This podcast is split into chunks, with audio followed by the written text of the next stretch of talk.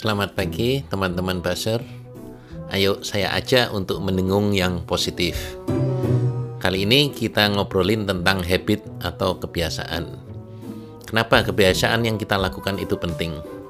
Coba perhatikan dari awal bangun tidur sampai balik tidur, berapa banyak kebiasaan yang sama dilakukan terus-menerus. Menurut riset Business Insider, 40% dari aktivitas kita tiap hari ternyata adalah merupakan kebiasaan.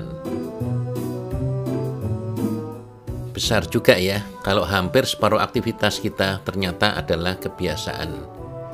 Syukurlah kalau kebiasaan-kebiasaan yang kita lakukan menghasilkan yang positif. Tapi celakalah kalau kebiasaan-kebiasaan tersebut ternyata merugikan dan berbahaya. Itu separuh dari hidup kita loh. Apa yang disebut kebiasaan itu? Kebiasaan adalah suatu pola rangkaian kegiatan yang dilakukan terus-menerus, konsisten, dan dalam jangka waktu yang lama. Semakin teratur dan semakin lama dilakukan, maka orang bilang makin kental kebiasaan tersebut, makin mengakar, susah dihilangkan. Kebiasaan ini menguasai kita, mengontrol kita, di mana kita melakukannya dengan sadar tanpa mempertanyakan lagi kenapa melakukan itu. Dari kecil kita diajari oleh orang tua kalau menyeberang jalan harus tengok kanan dan kiri dulu. Kondisi aman baru nyebrang. Entah sampai hari ini sudah berapa ratus atau ribu kali kita menyeberang jalan. Kita tetap selalu tengok kanan dan kiri dulu. Ini adalah habit atau kebiasaan. Kebiasaan tersebut bisa netral, bisa baik, bisa juga jelek. Tengok kanan kiri sebelum nyebrang itu baik. Merokok dan bergadang kebut-kebutan adalah kebiasaan yang merugikan. Di kantor meninggalkan komputer dalam keadaan password masih aktif, ini berbahaya. Karena komputer bisa diakses orang yang tidak berkepentingan. Atau seorang kasir tidak pernah menyinari uang yang diterima dengan lampu ultraviolet untuk cek keasliannya. Itu adalah habit yang merugikan. Bagaimana merubah habit yang merugikan tadi? Menurut Charles Duhigg, penulis buku The Power of Habit, dahsyatnya kebiasaan, pola kebiasaan yang berulang selalu memiliki tiga faktor. Saya gambarkan di tangan kiri adalah pemicunya, faktor kedua saya jelaskan belakangan ya, dan faktor ketiga di tangan kanan disebut reward atau hasil antara tangan kiri dan kanan saya ada faktor di tengah atau faktor kedua tadi. Ini yang disebut proses aktivitas rutin. Ini yang jadi jembatan dari pemicu ke reward. Seperti kebiasaan orang merokok, trigger atau pemicunya adalah mungkin dia melihat sekotak rokok di meja atau melihat temannya merokok. Setelah itu, yang di tengah proses kedua, dia melakukan proses rutinitas yang dilakukan ya, buka bungkus rokoknya, mengambil korek, hingga merokok. Reward itu adalah faktor ketiga, adalah kenyamanan atau kenikmatan dari merokok itu. Atau mungkin dia merasa diterima di kelompoknya, atau mungkin contoh lain adalah kebiasaan menggosok gigi malam hari. Triggernya adalah mau tidur. Aktivitas rutin yang dilakukan, dia mungkin akan ke wastafel, ngambil gelas, ngambil sikat gigi dan odol, dan gosok gigi rewardnya, hasilnya mungkin perasaan segar bersih atau gigi tidak berlubang. Bagaimana mengubah kebiasaan tersebut? Ya, kita otak-atik tiga unsur pola kebiasaan tadi. E, pemicu, rutinitas, dan rewardnya. Itu yang kita otak-atik. Salah satu dari tiga unsur itu, kalau kita otak-atik, harusnya kebiasaan akan berubah.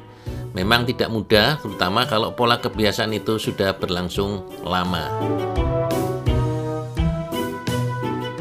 Paling sering adalah mengutak-ngatik rewardnya. Hampir semua perilaku manusia digerakkan oleh prinsip pain dan pleasure. Pain itu artinya menyakitkan dan pleasure itu artinya menyenangkan. Manusia menjauhi pain dan mencari pleasure. Saat dari satu proses yang dihasilkan adalah pain atau lebih besar pain daripada pleasure-nya, maka baru kita berkeinginan berubah. Juga sebaliknya. Tugas atasan di kantor untuk menjelaskan pain yang akan terjadi kalau habit ini diteruskan. Jadi, untuk mengubah habit, lebih dulu hubungkan pain apa yang diperoleh kalau mempertahankan habit lama dan pleasure apa yang diperoleh dengan habit baru. Setiap habit yang dilakukan selalu disertai reward yang bersifat pleasure. Kalau yang dihasilkan lebih besar pain, biasanya akan ditinggalkan.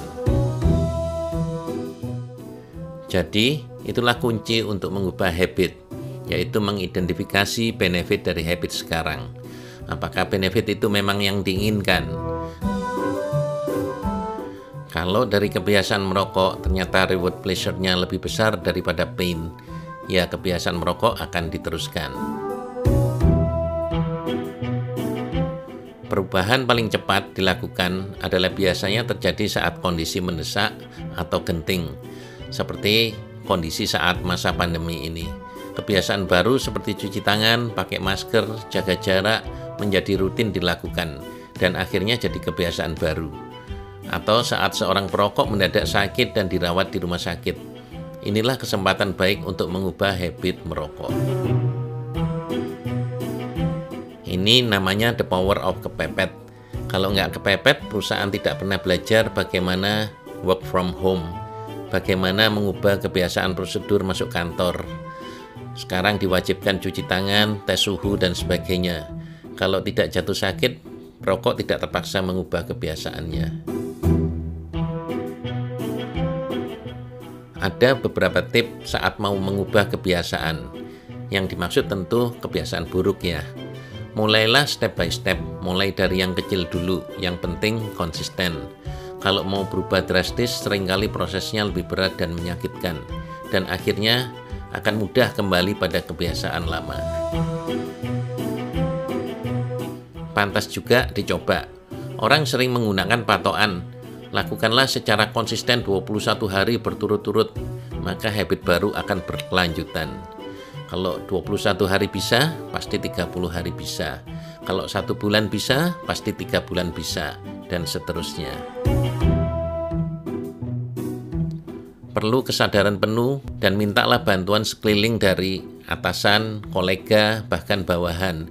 Atau kalau di rumah, orang tua, pasangan, agar bisa membantu untuk mengingatkan dan memberi support agar trigger atau pemicu dan rutinitas kebiasaan yang lama tidak muncul lagi. Justru sebaliknya membuat pola kebiasaan baru yang makin kuat dari hari ke hari. Kebiasaan itu bukan permanen. Menghilangkan kebiasaan itu terutama yang sudah lama adalah hal yang berat. Tapi kalau dilakukan konsisten tiap hari, Anda akan mendapatkan value ekstra atau hal yang luar biasa tanpa kita sadari Ingat, kebiasaan itu adalah aktivitas dari hampir separuh waktu kita, jadi pasti akan memberi dampak yang luar biasa. Untuk memulainya, jangan menunggu hari baik, mulailah sekarang juga. Terima kasih telah menyempatkan waktu untuk mendengarkan episode ini. Semoga bermanfaat dan dapat diaplikasikan.